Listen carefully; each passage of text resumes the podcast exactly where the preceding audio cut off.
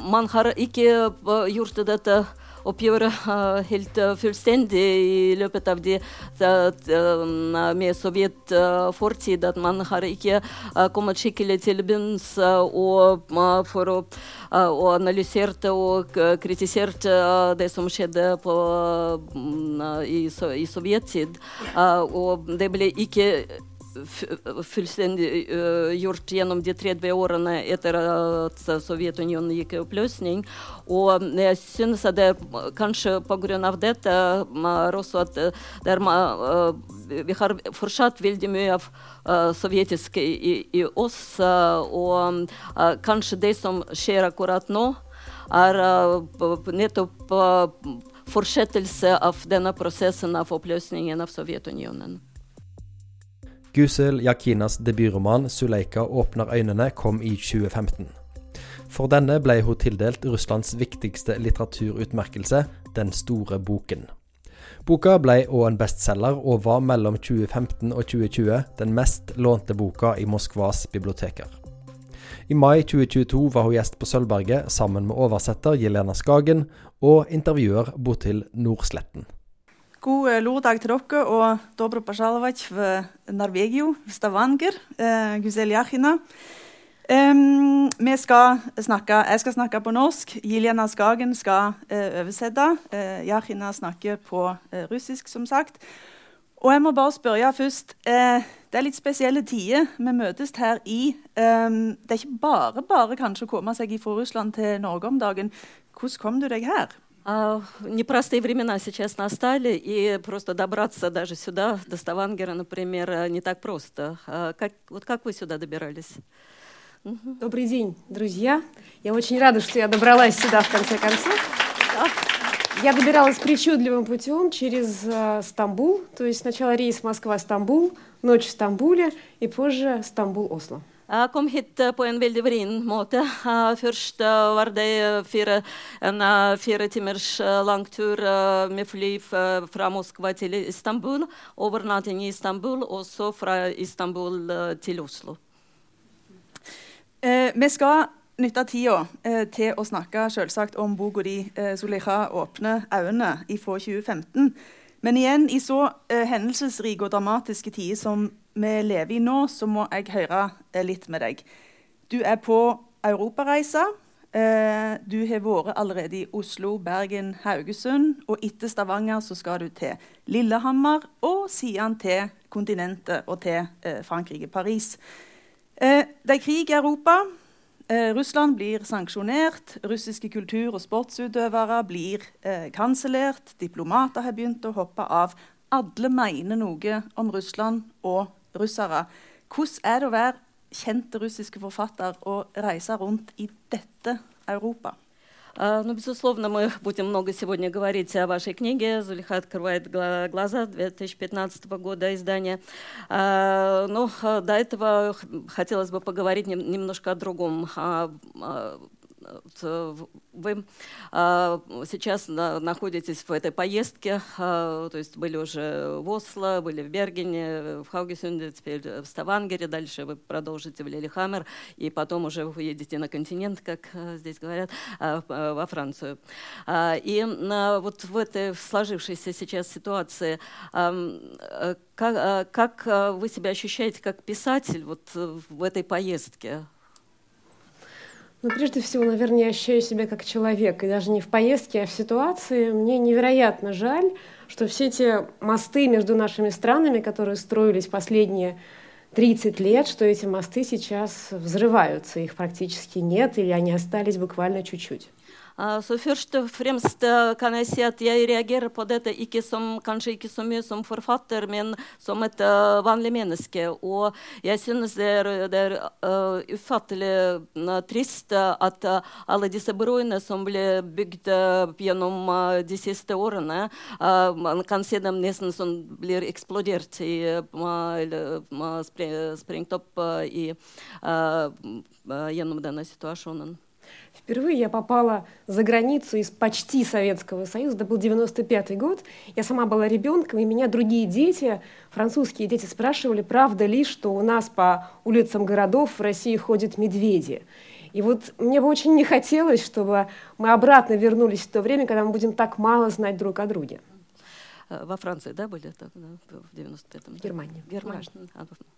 Uh, så det først uh, kom jeg til utlandet i forhold til Russland, uh, nesten fra sovjettid. No. det var bak i 1995, og jeg var selv et barn på den tiden. og jeg husker de, barna der i Tyskland, så de, de spurte meg er det sant at det går bjørner gjennom Moskva-gatene. Så jeg håper at vi ikke kommer til, tilbake til den situasjonen når vi skal vite så lite om, om hverandre. Мой главный страх сейчас, конечно, это страх новой холодной войны, страх нового закрытия границ, страх нового железного занавеса. Это то, чего я лично, как человек, боюсь больше всего. Det som jeg er, en som et menneske er kanskje mest redd for, at det en ny, den nye kalde krigen, at jernteppet senkes igjen, og at grensene blir stengt. Как писатель, у меня вышло три книги, и две из них уже успели перевести, они вышли в разных странах, в Европе в основном. Третья вот сейчас тоже выходит в переводе.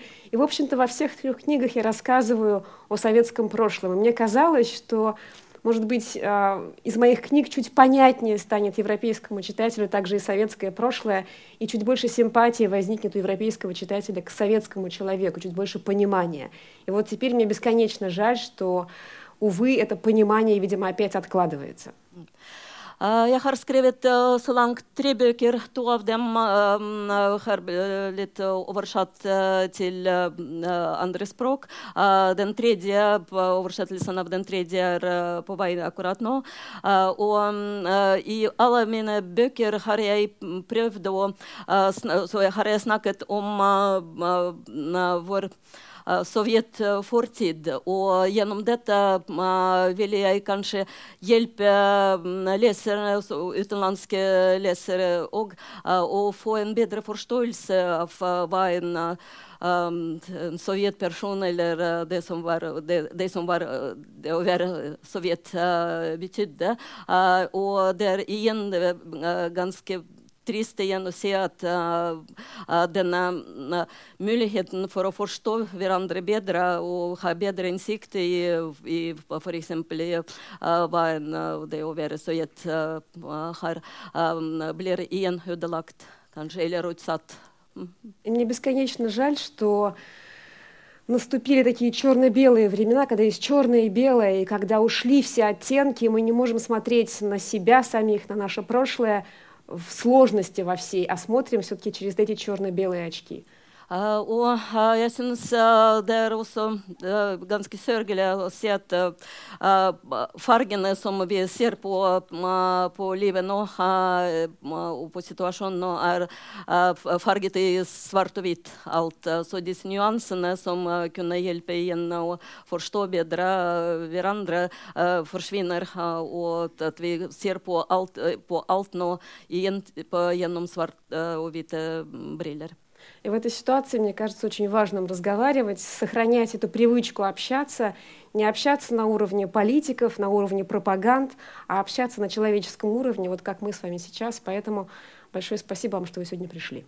Og jeg syns det er veldig viktig ak akkurat i en slik situasjon å beholde denne måten å kommunisere på, ikke på nivå hvor det, det er politikere eller propagandister som snakker, men på mellommenneskelig nivå hvor vi kan diskutere ting og snakke på en helt vanlig måte, akkurat i en slik, slik kontekst som vi befinner oss i dag her. Og tusen takk til alle dere at dere kom. Som sagt, eh, Du har skrevet to andre bøker etter eh, har åpne øynene'. Eh, det er den som er oversatt til norsk, så det er jo den vi snakker om i dag. For de i salen som ikke ennå har rukket å lese denne fantastiske boka, så skal jeg bare lese et svært kort referat av den. Av, skrevet av Ingunn Lunde, professor i russisk, i siste, den siste utgaven av Syn og Eh, sånn at dere forstår eh, hvor jeg vil med spørsmålene eh, seinere. Romanene til Jahina går føre seg i de første tiåra etter den russiske revolusjonen. Zuleikha er ei 30 år gammel tatariske kvinne som lever med mannen Murtaza og svigermora på landsbygda. Hun har båret fram fire døtre, alle døde som spedbarn. Og livet med den voldelige ektemannen og den despotiske bestemora er eh, hardt, om enn stabilt. Stabiliteten blir bråten da kollektiviseringa eh, når de. De nekter å gi fra seg dyra sine, Murtaza blir drepen, og Zuleyha sendt til Sibir. Her føder hun sønnen Yusuf, som er sønnen til Murtaza. Men hun innleder også et forhold til Ivan Ignatov, mannen som myrda Murtaza, og som ble sjef for fangetransporten og denne leiren som de bygger opp i ødemarken i Sibir. Fortellerperspektivet i romanen veksler eh, mellom Zuleikha og Ignatov, og vi følger deres to utvikling. I fangeleiren så frir eh, seg paradoksalt nok ifra stengslene som hun levde med eh, på heimstaden, også de mentale, eh, mens Ignatov går for å se på fangetransporten som en abstrakt samling folkefiender til å ha øyne òg for det enskilde mennesket. Yahina, du er som Zuleikha av tatarisk opphav, og bestemor di ble som millioner av andre tvangsdeportert til Sibir i eh, 1930-åra og levde der i 16 år. Dette er den første boka di. Hva var det som fikk deg til å skrive denne historien? Гюзель, вы так же, как и героиня вашей книги, татарского происхождения, и ваша бабушка в, в свое время была, подверглась таким же репрессиям, как, о которых идет речь в книге, в 30-е годы, и 16 лет пробила в изгнании, скажем так. Поэтому вопрос к вам, что, опять же, кто подвигал вас на написание этой книги, почему вы решили поднять эту тему? Перед тем, как я отвечу на вопрос, я чуть-чуть а, дам маленькую а, историческую справку. Действительно, речь в романе идет о реальных исторических событиях, а именно о 30-х годах прошлого века, когда в Советском Союзе началась массированная кампания репрессий против крестьян. Før jeg svarer på dette spørsmålet, vil jeg gi kanskje en kort historisk innføring i, som lager bakgrunn for boka. På 1930-tallene begynte det en massiv kampanje fra myndighetene mot bøndeklasse, bøndesamfunnet. 4 миллиона крестьян подверглись этим репрессиям, у людей отбирали имущество, а самих их выселяли в отдаленные уголки страны. География расселения была очень широкая, от севера до Сибири, конечно, традиционного каторжного края, до Алтая, до Казахстана. Fire millioner mennesker ble, de ble fratatt deres eiendom, og så ble de deportert og utvist til andre deler av Russland og Sovjetunionen. Og geografi, geografisk sett var det veldig store, lange avstander de måtte komme over for å komme dit og det kunne være Sibir, det, det, der hvor det var ennå i tsarens tid var et populært sted å utvise folk til. Um, så det var Al Altai, det kunne være Kasakhstan. så folk ble sett overalt. То есть людей отправляли, доставляли куда-нибудь в тайгу или в тундру или в казахскую степь и оставляли там просто жить на голом месте, строить дома вести первобытную жизнь выживать каким-то образом. Så folk ble nesten dumpet på et helt øde sted, kanskje i taiga, i tundra eller i kasakhstanske stepper. Og de måtte lære seg å bygge sitt liv på nytt fra, fra scratch, fra, fra helt primitivt, nesten som et danne først et, nesten et primitivt samfunn for å, bare for å lage dette grunnlaget for så kunne videre bygge sitt liv på. И всего через эти переселенческие поселки прошли 6 миллионов человек. И одна из них была моя бабушка. Ей тогда было 7 лет. Она была ребенком в семье раскулаченных крестьян. Så disse landsbyene som vokste på denne måten de, Det var ca. seks millioner mennesker som gikk gjennom dette systemet. og en av, et av disse menneskene var min bestemor. hun var datteren til slike bønder som mistet sin eiendom og ble ut, utvist til dette området i Sibir. Таким образом, события, которые описываю я в романе, это часть моей семейной истории. И мне очень хотелось в этой семейной истории разобраться, прежде всего разобраться в очень суровом характере моей бабушки, потому что я понимала, что он выковался где-то там, в Сибири, на берегах Ангары.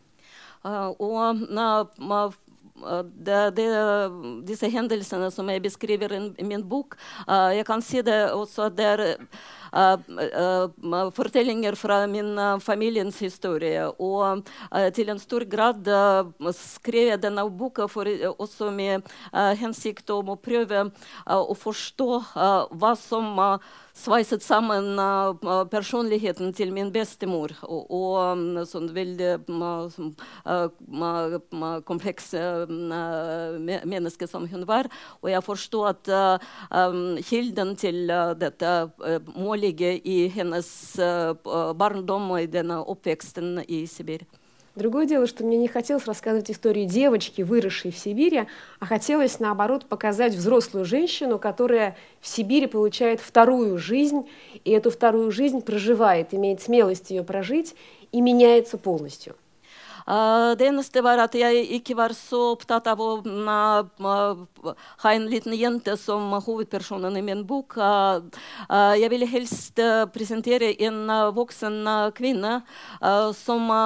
bok. Jeg ville helst presentere en voksen kvinne som etter at hun blir utvist og sendt til en slik landsby, at hun begynner å leve et helt nytt liv. Hun får en ny sjanse og, og, og våger å leve det nye livet. Og gjennom denne processen forandrer hun, hun sig fullständigt. Хотелось показать историю женщины, которая сначала находится в таком условном прошлом, архаичном, очень патриархальном. Из этого прошлого время, исторический процесс вырывает ее и перемещает в сегодняшний день. Uh, og jeg ville vise at uh, der hvor hun begynner uh, i boka, at hun kommer fra et nesten arkaisk samfunn og bli revet ut av dette samfunnet, av dette livet, og plassert i uh, nåtiden. Uh, og det var interessant for meg å vise uh, hvordan denne frarivelsen skjer, og hva som skjer med henne. Вот это вот движение из прошлого в настоящее, из архаики в современность, преодоление языческого сознания, религиозного сознания, это и есть тема романа, а рассказана эта тема на основе конкретного исторического материала. Så denne veien fra en kanskje hedensk tankemåte, fra religiøs preget, religiøs preget tankemåte, til dagens bevissthet og forståelse av livet. Så det var det som jeg ville vise, men også samtidig som at det, alt dette ble vist på et historisk bakgrunn en historisk bakgrunn. Kan du si litt om hvordan altså, Vi vet at boka, debutboka di har blitt en eh, stor suksess også hjemme i Russland, men det har vært forskjellige meninger. Kan du si litt om mottagelsen av boka hjemme i Russland? Uh, ну, насколько мы знаем, uh, книга пользовалась сразу же очень большой популярностью uh, в России. Uh, но, опять же, были разные мнения по-разному. По в целом, как вы можете сказать, как была принята ваша книга? Книга была принята очень по-разному, это правда. Были оценки диаметрально противоположные. Кто-то назвал книгу продолжением традиций лагерной литературы и серьезной книгой о репрессиях, а кто-то посчитал, что это недопустимая билетризация репрессий, слишком легкий рассказ о репрессиях, просто потому что героиня обретает себя и обретает свое такое горькое, но счастье в системе ГУЛАГа. Uh, og det er helt sant, så mottakelsen var uh, veldig forskjellig. Så det var um, meningen uh, som ble uttalt, uh, stå på, liksom, på motsatt side av hverandre. noen mente at denne boka var et godt eksempel på en såkalt um, leirlitteratur. det vil si at det var ganske bra beskrivelse av sånn, i, i, i tradisjonen med disse bøkene bøkene som fortalte fra, fra før av, av de som skrev disse, disse, bøkene, som, som selv var i um, Gulag-systemet. og på de, de, andre mente kanskje at man brukte litt uh, altfor mye kanskje skjønnlitterære redskaper for å, for å um, lage en skjønnlitteratur ut av dette Gulag-temaet. Og det var, de, de, mente at det var helt altså liksom misbruk av dette temaet, og de mente at det var helt uakseptabelt. Кто-то посчитал, что это прославление татарской культуры, гимн татарской женщине, татарской матери, потому что в книге действительно сильные национальные компоненты, есть много взято из татарского фольклора, из а, татарских сказок, из татарской культуры, из быта, из традиций, а кто-то посчитал, что это очернение татарской женщины, татарской матери, просто потому что по сюжету главная героиня Зулейха забывает своего мусульманского мужа и влюбляется в русского человека, человека другой религии, а он исповедует коммунизм. Man, noen sa at det, i denne boka kommer det masse glorif glorifisering av tatarsk kultur, tatar tatarske tradisjoner. Og det er for så vidt riktig. Det er mange referanser til kulturelle og tra tradisjonelle aspekter ved tatarsk kultur. referanser til folkefortellinger, kanskje noen folketro og så, sånne ting. Og, og mm, de andre på den andre siden mente at det var helt, helt, helt det motsatte. At, var, at man prøvde å mm, sånn, svartlegge på noen måte alt som gjelder nasjonal tradisjon i, i, blant tatarer. og spesielt reagerte da man på at um, Zuleha hun um, forlate, ikke, hun, hun ikke forlater, men hun river seg kanskje fra denne skikkelsen av hennes mann. Han er tatarsk, og han er muslim. Og så forelsker seg i en russisk mann som ikke har samme tro som hennes familie eller hennes forfedre hadde. Og han, han, har egentlig ikke bare at han er russisk, men han tror på noe helt annet. Han, han, hans tro er kommunismen. После выхода книги эта дискуссия была не так заметна, а после выхода сериала по книге, вышел восьмисерийный сериал, она усилилась, эта дискуссия, и автора это, конечно, не может не радовать, просто потому что такие дебаты вокруг книги, они, конечно, увеличивают тираж и означают новых читателей для книги. А уж читатель пускай сам каждый решает, нравится ему роман или нет. Denne diskusjonen ble egentlig enda sterkere i tiden etter at TV-serien ble kom ut. Det var åtte deler i denne TV-serien. Og da, i etterkant av premieren, begynte man mye mer diskutere alle disse aspektene. Og selvfølgelig for en forfatter er det, var det veldig hyggelig å se at man blir engasjert i diskusjon, at man diskuterer dette. For selvfølgelig antall eksemplarer da, øker, og det er flere som får lese boka og diskutere det. Så det, det var bra. Jeg var, jeg var veldig glad det skjedde.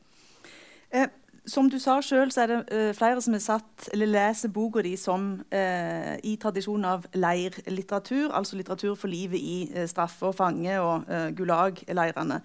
Men i motsetning til kjente forfattere av den typen litteratur, altså Aleksandr Solzjenitsyn og, og Varlam Shalamov, så har ikke du sittet i leir. Hva skiller din generasjons leirlitteratur, om du vil, fra bøkene til de som sa der sjøl, som var tidsvitne? Og, og hvorfor er den litteraturen fremdeles aktuell? Uh, ну вот вы уже э, э, сами упомянули слово, что лагерная литература, то есть кто-то поместил вашу книгу вот как бы в традиции лагерной литературы, а, и здесь мы, конечно, должны вспомнить этих больших писателей Александра Солженицына, Варлама Шаламова.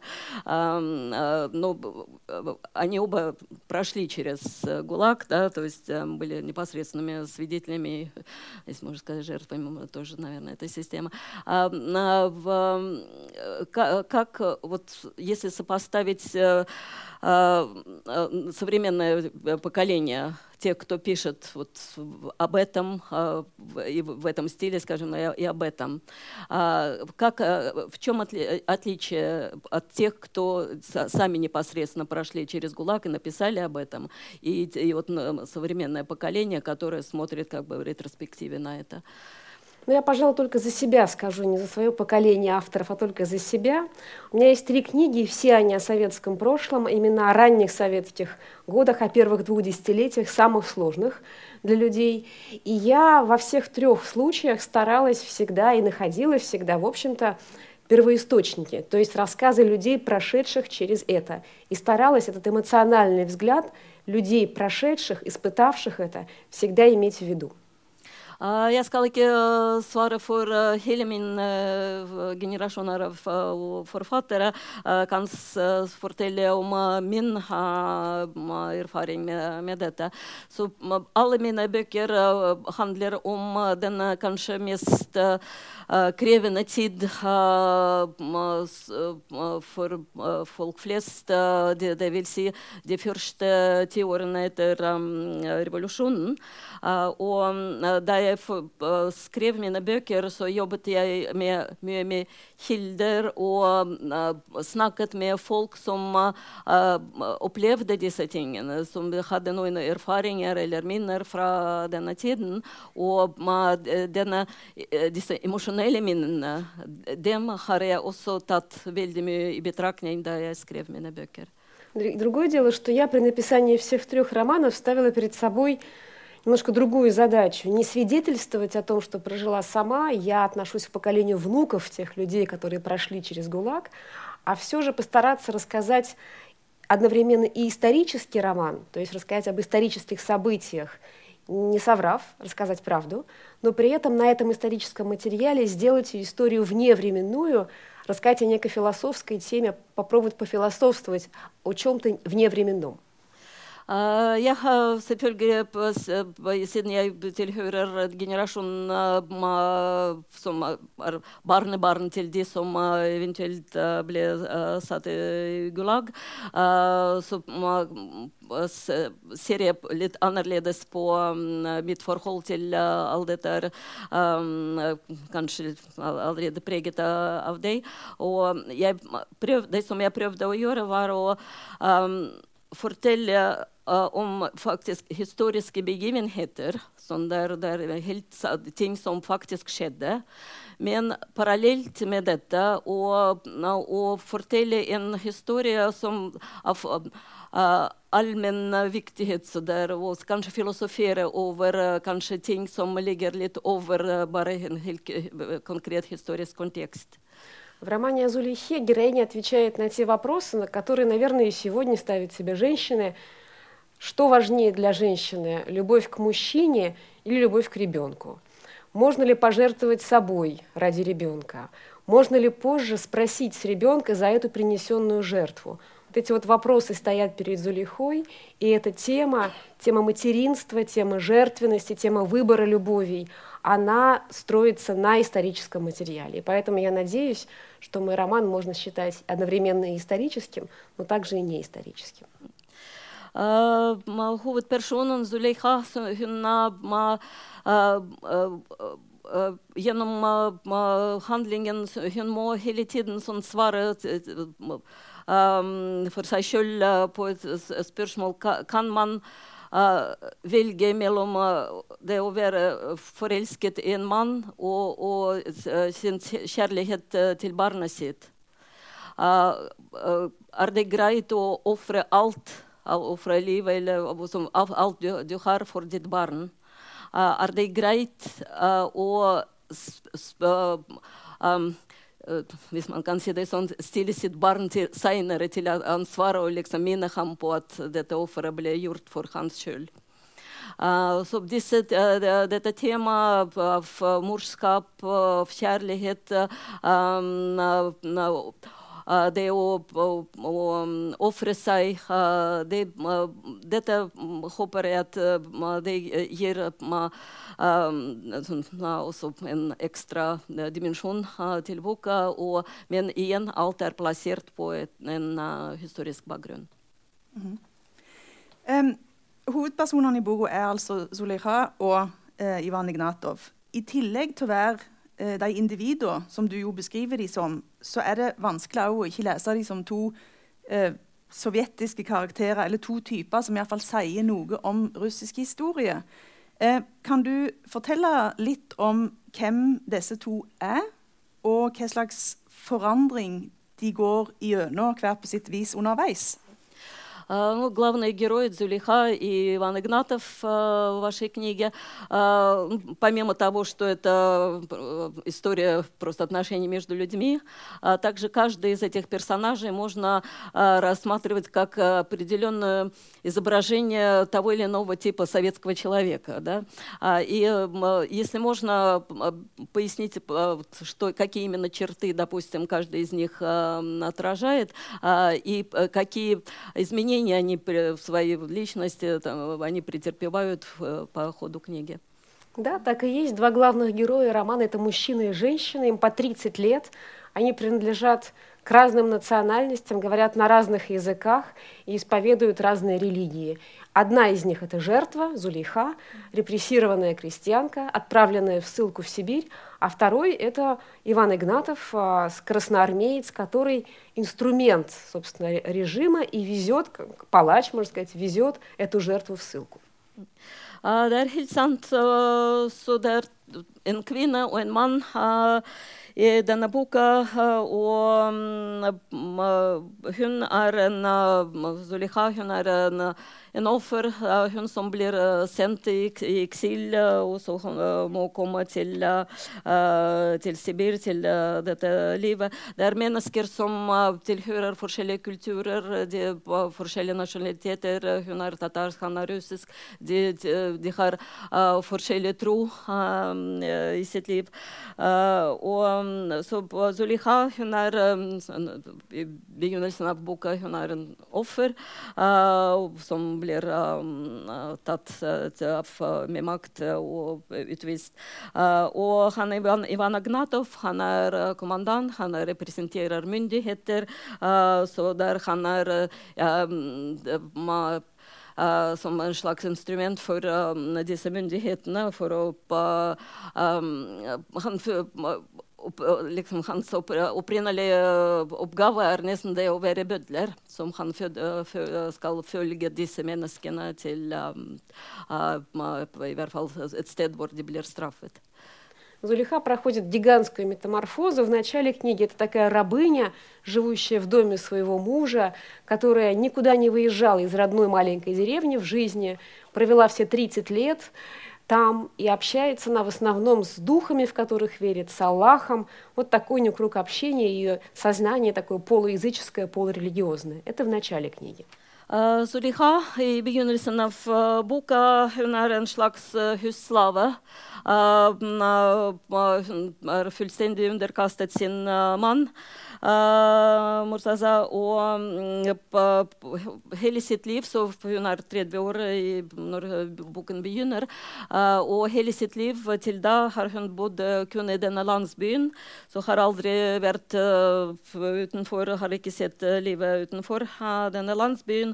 Og hun tror og prøver å snakke med på forskjellige Uh, uh, ånder eller noen sånne skikkelser fra folketro eller med Allah. Uh, så hun er fullstendig sånn inkapsulert i dette, dette livet. В конце книги она совершенно другая, она окружена людьми, общается теперь уже с людьми, а не с духами. Она охотница, то есть добывает пропитание себе и своим, своему окружению. В руке у нее мужской атрибут, ружье. Она родила сына, и в конце книги умеет этого сына даже отпустить от себя, то есть подарить свободу другому человеку. Это вот гигантская метаморфоза, которая за 16 лет проходит героиня. På, på, slutten av boka uh, ser vi henne allerede at, at, hun ikke lenger kommuniserer med uh, folketro, skikkelser eller, eller, Gud. Hun er omringet og kommuniserer. Hun er sammen med andre mennesker. og hun har blitt faktisk til en jeger. og hun er har i sin hånd kanskje noe som typisk assosieres med en mann, et gevær, som hun bruker på jakt. og hun, hun er, har blitt en helt fullstendig, sånn, fullstendig og selvstendig menneske. Og på helt på slutten av boka hun finner til og med i seg nok krefter for å la sin sønn velge sin egen vei og dra fra henne. Så derfor um, uh, la en uh, gi fri, uh, frihet til et, til et, annet menneske. Det har også vært som resultat av denne forvandlingen som hun har gått gjennom gjennom hele boka. В общем-то, можно сказать, что роман об эмансипации женщины, и некоторые критики называют его романом об эмансипации, эмансипация советской женщины действительно шла очень быстро. И это соответствует исторической правде. Uh, og uh, mange sier at uh, det, dette er også en bok om kvinnelig frigjøring.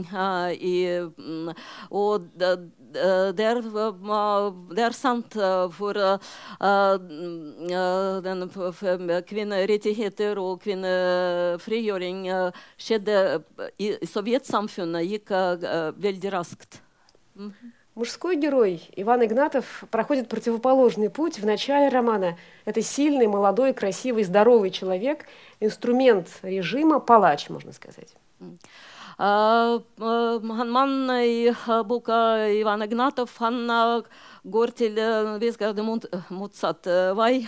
så han begynner boka ved å være en sterk, fysisk kraftig og vellykket person. Representant for makten og kan si en skikkelig bødler. В конце романа это сломленный судьбой человек, инвалид, также и физически поврежденный, который уже вовсе не палач, а жертва режима. Он перешел на сторону раскулаченных, переселенцев живет с ними. И вот этот вот путь он проходит за 16 лет. У Пошлютинов романын на период кер сайснур, фенер вихам алреды сомен 16 år, finner vi ham allerede som en uh, ødelagt både moralsk og fysisk. Han er, har fått helseproblemer, fysisk ødelagt person. Og han ble fra en som kunne man bli kalt en bødler, til faktisk til å bli en offer. Og så på slutten av dagen stiller han seg sammen på samme nivå og slutter seg til de som han faktisk. Это тоже такой достаточно типичный путь для представителей тоталитарной системы. Она пожирала часто тех, кто ей служил, калечила их, убивала их. И, в общем-то, этот путь а, показан на примере Ивана Игнатова. Этот путь от палача к жертве. Og denne veien fra Eh, fra bødler til offer. Eh, det var faktisk ikke så uvanlig i sovjettid. Eh, det var mange som ble De som begynte sin, sitt liv eller sin karriere ved å være veldig høyt plassert, f.eks. høyt ansett i, i maktsystemet, så endte opp ved å bli knust, ødelagt og ble til skikkelig offer ofrer. Så der gjennom denne skikkelsen av Ivan Ignatov vil jeg vise at akkurat denne type endringer eller forandringer som en person i sovjettid kunne gå gjennom. Det var et veldig godt oppspill til mitt neste spørsmål. Eh, for det, eh, Den russiske lyrikeren eh, Anna Akhmatova hun sa en gang på 50-tallet at det russiske samfunnet kan du dele inn i to grupper. Det er de som sidjeli, altså sad inne i leir eller fengsel, zuleira, kan du si.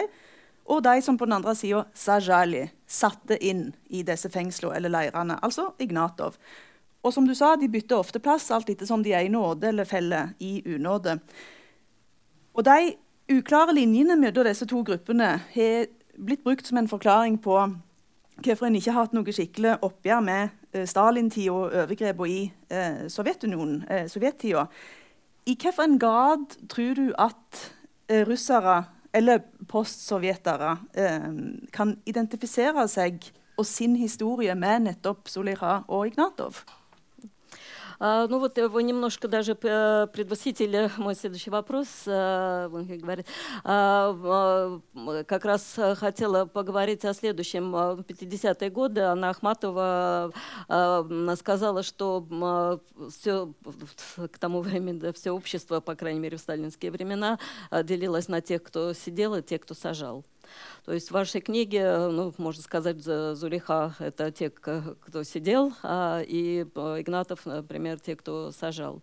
А, и а, опять же, вот так же, как вы, вы сказали, что вот эти изменения, они шли в противоположных направлениях, то есть можно было очень быстро поменяться ролями да, в данной ситуации. И вот отсутствие в связи с этим четких каких-то границ, да, что вот именно вот эти только такие, вот эти только такие, может быть, это э, является причиной того, что а, до сих пор э, в постсоветском, скажем так, обществе а, не было проведено как бы вот не, настоящее сведение счетов да, со, временами сталинского режима и так далее. То есть как, как вам кажется? Да, совершенно верно. Очень часто в каждой семье, не очень часто, я думаю, что практически в каждой семье в России есть представители того и того лагеря. Det er helt sant, og det er kanskje knapt en familie i Russland som ikke kan peke på noen familiemedlemmer som tilhørte den ene kategorien, og noen som tilhørte den andre kategorien. И очень часто люди переходили из одного лагеря в другой, и поэтому совершенно непонятно для многих, как к этому относиться. Uh, og det var veldig uh, ofte at uh, folk faktisk kanskje ufrivillig, men byttet side. og, og det, er, det gjorde det litt ekstra vanskelig å forstå hvordan man skal forholde til det. И очень часто бывало так, что палачи становились героями, настоящими героями. Об этом, собственно, мой третий роман «Эшелон на Самарканд». Og det som skjedde ofte, var at uh, uh, bødler uh, ble til skikkelig helter. Og det er det som min tredje roman handler om. Den heter. В нем я рассказываю о человеке, который очень много убивал в гражданскую войну и во время продуктовой кампании, оставляя, обрекая крестьян на голод, но позже спасал бездомных детей от голода. Таким образом, одновременно в одном и том же человеке был воплощенный убийца и спасатель, потому что детей он спасал по-настоящему, жертвуя собой. Hovedpersonen i denne boka under borgerkrig var han skyldig i mange drap. Så har kriget i, i borgerkrig, så mange liv var på, på hans samvittighet. Etter dette var han aktiv i denne mat... Kan jeg si Når man hentet inn mat, som man bøndene ble tvunget til å uh, gi alle ma matreserver, veldig ofte til og med så, så, konfiskering. Så, konfiskering ja, der, og veldig ofte det var med makt. Det, det, vil si at folk ble drept, og mange grusomheter der, som skjedde der òg. så han var aktiv i dette. Men seinere engasjerte han seg i å redde livet til husløse, hjemløse barn som holdt på å dø av sult. Og han risikerer sitt liv for denne saken. Så igjen, så fra å gå fra en morder til en, en som redder folk, så det, det, det er det som boka handler om. Таким образом, было невозможно разделить черное и белое, зло и добро, потому что все это было в одном человеке часто. Uh, og derfor er det nesten umulig å skille mellom dette liksom, det er svart og hvitt. Uh, så for veldig ofte alle disse tingene, alle disse aspektene, uh, var, handlet om en og samme person. В этом есть огромная сложность работы с советской историей. Мне кажется, что Основное, что вот сегодня мы понимаем, по крайней мере, ну я для себя это поняла, что было очень важно с этой историей все-таки разобраться до конца и осудить ее до конца. И то, что не было проработано вот тогда, за 30 постсоветских лет, оно, к сожалению, сейчас продолжается, потому что мне кажется, что советское до сих пор еще в нас живет, и то, что происходит сейчас в мире, это есть продолжение развала Советского Союза. Og jeg syns at man har ikke gjort dette oppgjøret helt fullstendig i løpet av de, med sovjet fortid. At man har ikke kommet skikkelig til bunns for å og analysert og kritisert det som skjedde på, i, i sovjettid. Og det ble ikke fullstendig gjort gjennom de 30 årene etter at Sovjetunionen gikk i oppløsning. Og jeg synes at det kanskje pga. dette er også at der, uh, vi har fortsatt veldig mye av sovjetisk i, i oss. og kanskje det som skjer akkurat nå, er nettopp fortsettelse av denne prosessen av oppløsningen av Sovjetunionen. Hmm. Um, I store deler av boka så blir uh, Zuleikha dårlig behandla. Hun opplever det er masse død, det er fornedring. Uh, og allikevel, tross alle uhyrlighetene i boka, så leser vi dette dramaet gjennom Zuleikha sine store, grønne, uskyldige, undrende øyne.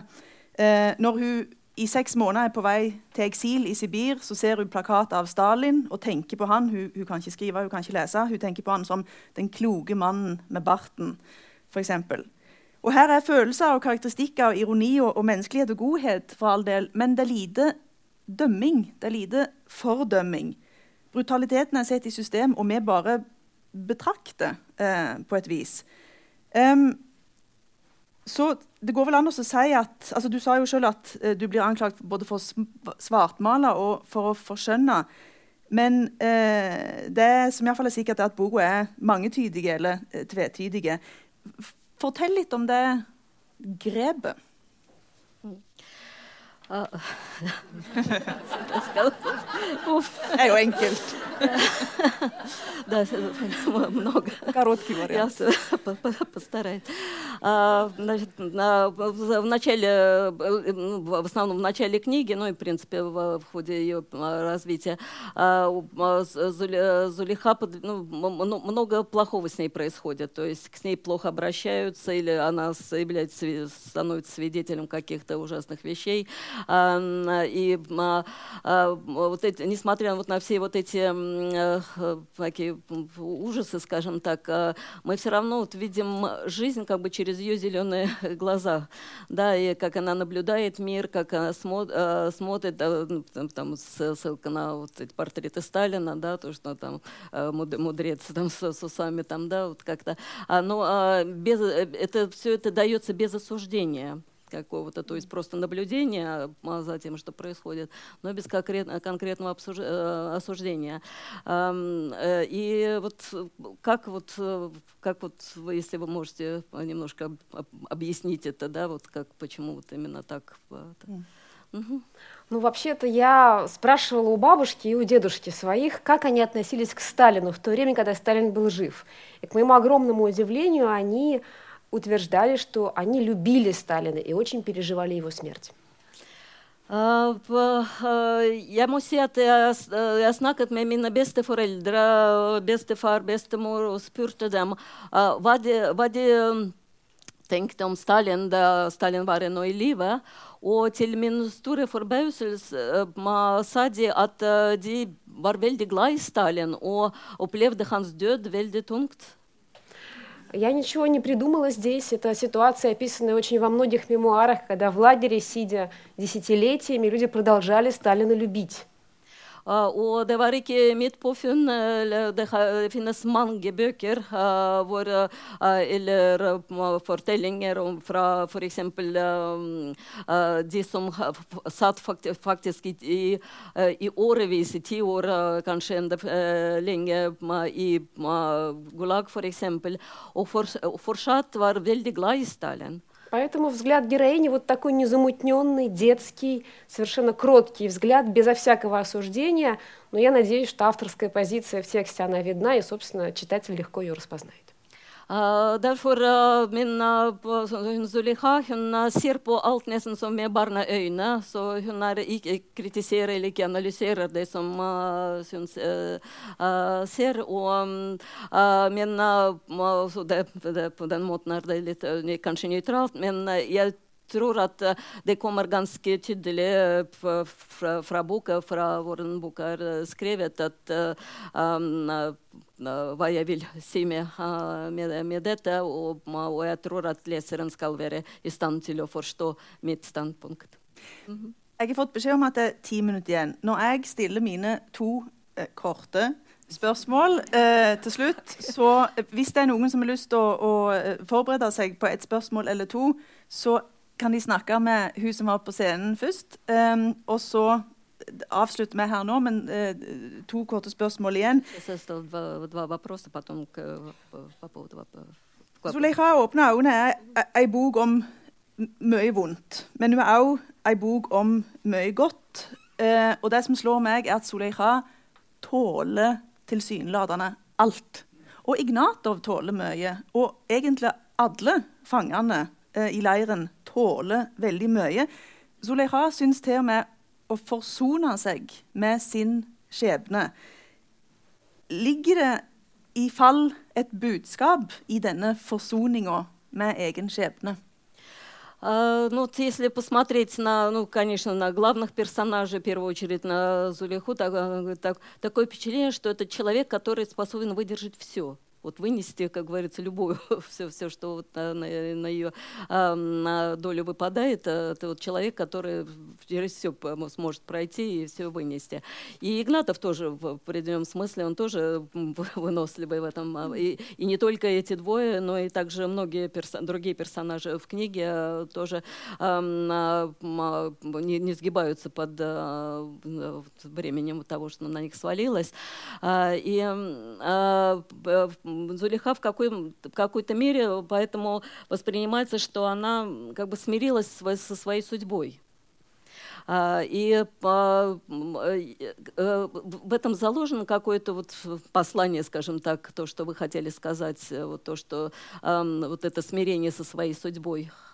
Как-то вы можете прокомментировать это? В этом нет какого-то особого послания, в этом есть, пожалуй, то, как я понимаю вообще женщин, татарских женщин, русских женщин. Это вот терпение, свойственное и сила одновременно, кротость и сила, все в одном, оно, я вижу его, наблюдаю его в очень разных женщинах вокруг себя, и, в общем-то, это то, что только усиливается, потому что наша история, российская история, все время подбрасывает поводы эту кротость тренировать и эту выносливость тренировать. Uh, jeg uh, kan ikke si at det er et spesielt budskap uh, som ligger i dette. Det er bare mine, mine, tanker eller mitt forhold til det som jeg tenker om tatarske kvinner, russiske kvinner. de som er kanskje kjent for sin tålmodighet, men samtidig sin, styr, sin styrke. og det, uh, uh, livet har dessverre gitt altfor mange kanskje uh, anledninger til å teste denne tålmodigheten og utholdenhet hos, hos dem. og det er det jeg ville også snakke om. Все три моих романа о маленьких людях, о крошечных людях, которые противостоят большой государственной машине. И мне казалось, что это такой способ дать героине выиграть у тоталитарной машины. Фактически побеждает, конечно, машина, государство, потому что Зулиха живет в ссылке, остается там. Но можно сказать, что побеждает и она тоже, потому что ее внутреннее преображение есть, конечно, для нее большой выигрыш.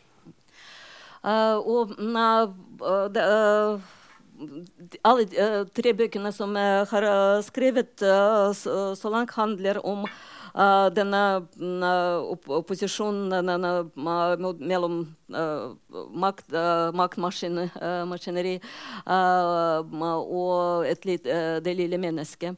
og selvfølgelig Man kan si sånn at de, facto er det denne maktinnehavere og sånn, det er makten som vinner over Zulihas skjebne og Zulihas liv.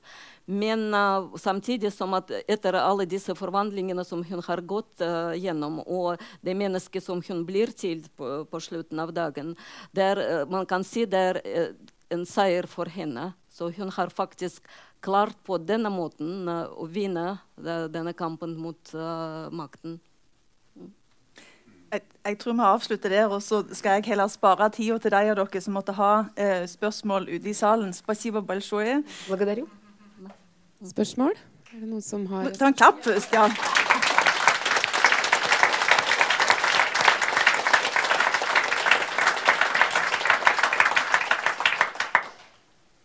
Можно я по-русски да, задам? Гюзель, добрый день. Нас тут, нас тут очень много русских почитателей, а, русскоговорящих. И вопрос такой. Вы наша ниточка и проводник с Россией сейчас. Что вы сказали, чувствует интеллигенция в России, в Москве? Нам очень важно знать. Det er spør spørsmålet at det er mange uh, russisktalende som sitter i salen i dag uh, og veldig opptatt av å vite og høre fra Guzel hva um, intelligens eller så det, uh, folk som uh, intellektuelle eliten, kanskje um, på, i Moskva, hva, hva, er deres reaksjon, hva de tenker. Så vi er veldig ivrige å, å høre om det.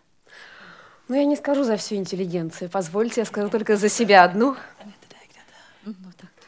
Jeg skal ikke snakke for uh, hele uh, intellektuelle eliten. Jeg skal vennligst tillate meg å snakke kun for meg sjøl.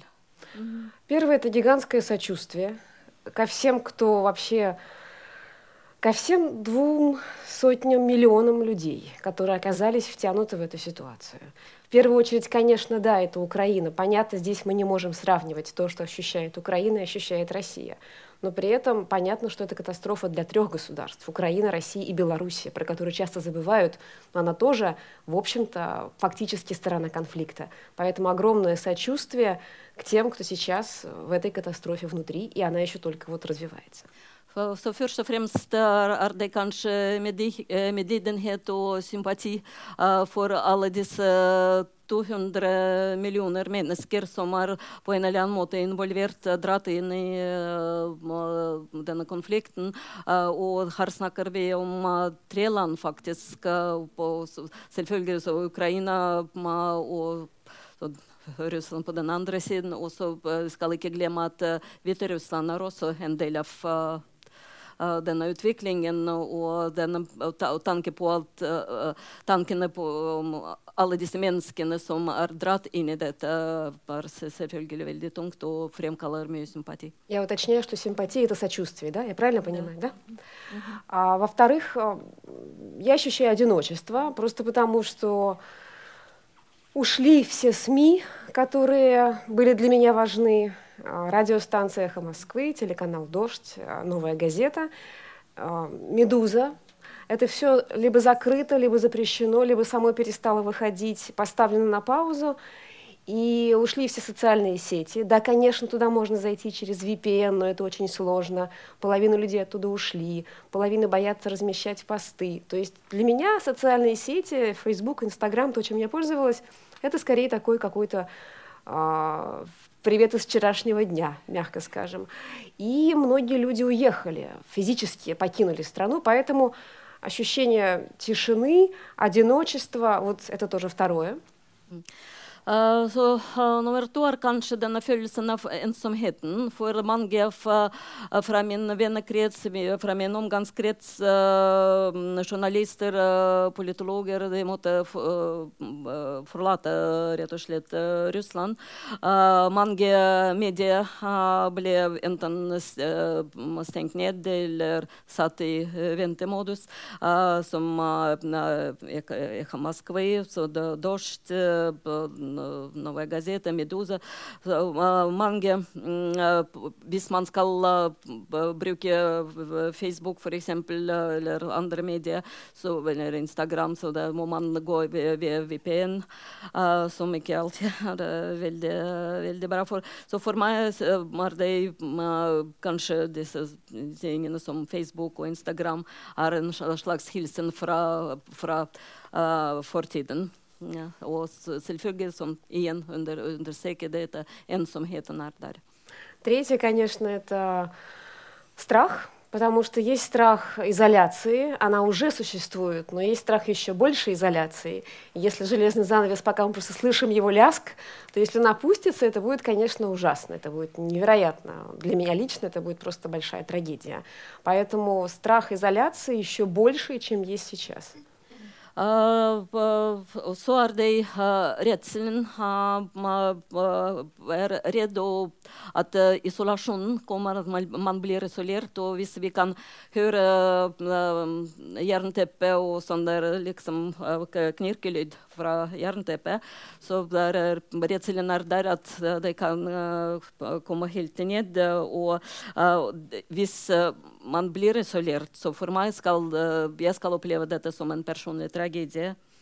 Ну и последнее, пожалуй, я назову, то, что я не могу не назвать, это, конечно, огромное разочарование, потому что то, что делалось вот за эти 30 лет, и делалось и поколением моих родителей, и моим поколением, оно сейчас оказывается вот, ну, непонятно где, давайте я так тактично скажу. И, в общем-то, мне невероятно жаль, что так случилось. И то, что мы делали, пытались сделать по чуть-чуть, по капле, это сейчас, увы, не существует этого. Uh, og det tredje er kanskje skuffelsen. Uh, skuffelsen over, av å se uh, resultatet av det som både mine foreldre og min generasjon har bygd opp. så at alt dette havner nå Man vet ikke hvor. Og så kom det en kommentar. Vi skjønner hvor det havnet. Um, så det er rett i vasken. Det, er, vi sier det å bruke et mildt uttrykk. Uh, og så på, igjen denne skuffelsen der, uh, den er der. Mm.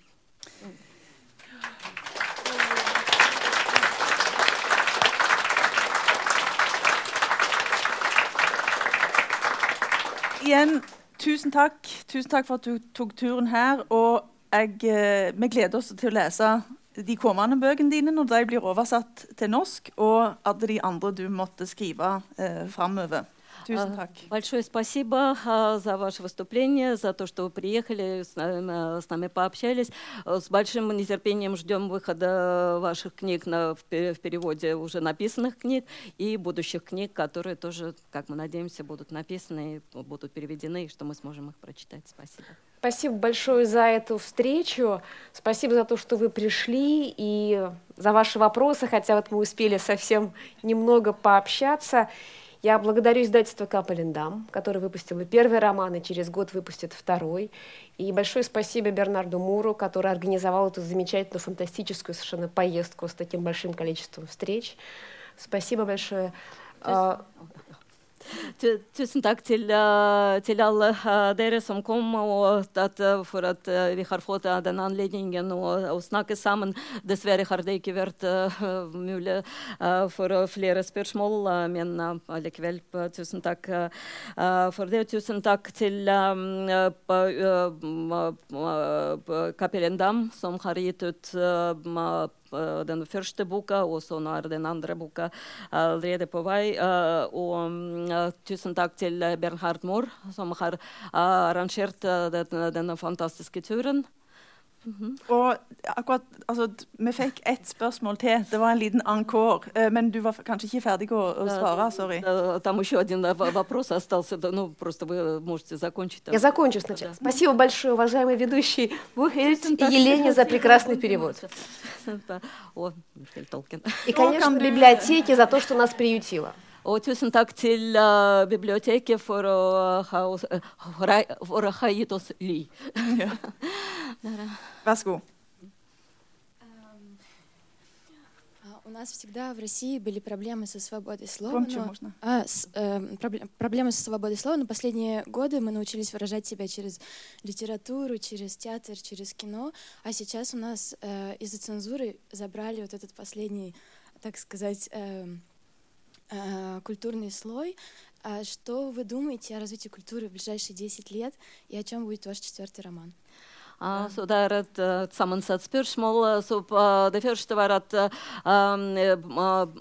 til nå, eller før krigen, for å har man fått kanskje en bedre situasjon i forhold til uttrykksfrihet. og som Man kunne bruke medier, man kunne bruke teater, man kunne bruke kino og sånne ting. Men nå, med sensuren tilbake på banen, så mister vi det, det som vi har oppnådd til nå. så hva, hvordan ser du utvik videreutviklingen av kulturlivet i, i Russland etter med i nåværende endringene. Og hva handler den neste Ja, ja, ja, og, den, og, i, ja, og den fjerde romanen, hva handler den om? Вы очень большой оптимист. Вы можете думать сегодня на 10 лет вперед. En stor optimist hvis du kan tenke i dag ti år framover. Я ничего не думаю о ближайших 10 годах. Я думаю о том, когда закончатся боевые действия. Закончатся ли они через неделю, через месяц, через полгода. Пока мой горизонт планирования, размышления сузился и зависит от чисто внешних факторов. Uh, så jeg, jeg, tenker ikke så langt fremover som ti år. Uh, akkurat nå er jeg mest opptatt av uh, når alt dette slutter, denne, det med krigen og det, det terror og alt. som, som min, min, horisont har innsnevret seg til sånn, for å er begrenset nå til nesten nåtid. Og så det er det som jeg er opptatt av. Så jeg ikke planlegger så, ikke tenker så mye fremover nå. От этого зависит все дальнейшее уже, включая, в конце концов, и развитие культуры, свободы слова, все то, что мы так о чем мы так мечтаем. O baser på utvecklingen som för dig som sker nu, allt ska allerede hänga vidare. Så där vore, vad ska ske med kulturlivet, så där med kino eller allt detta är, ska vara klart allerede när allt detta tar slut. Про четвертый роман я с удовольствием расскажу, когда он появится. Og jeg skal være veldig glad å snakke med dere om en fjerde roman når den kommer ut.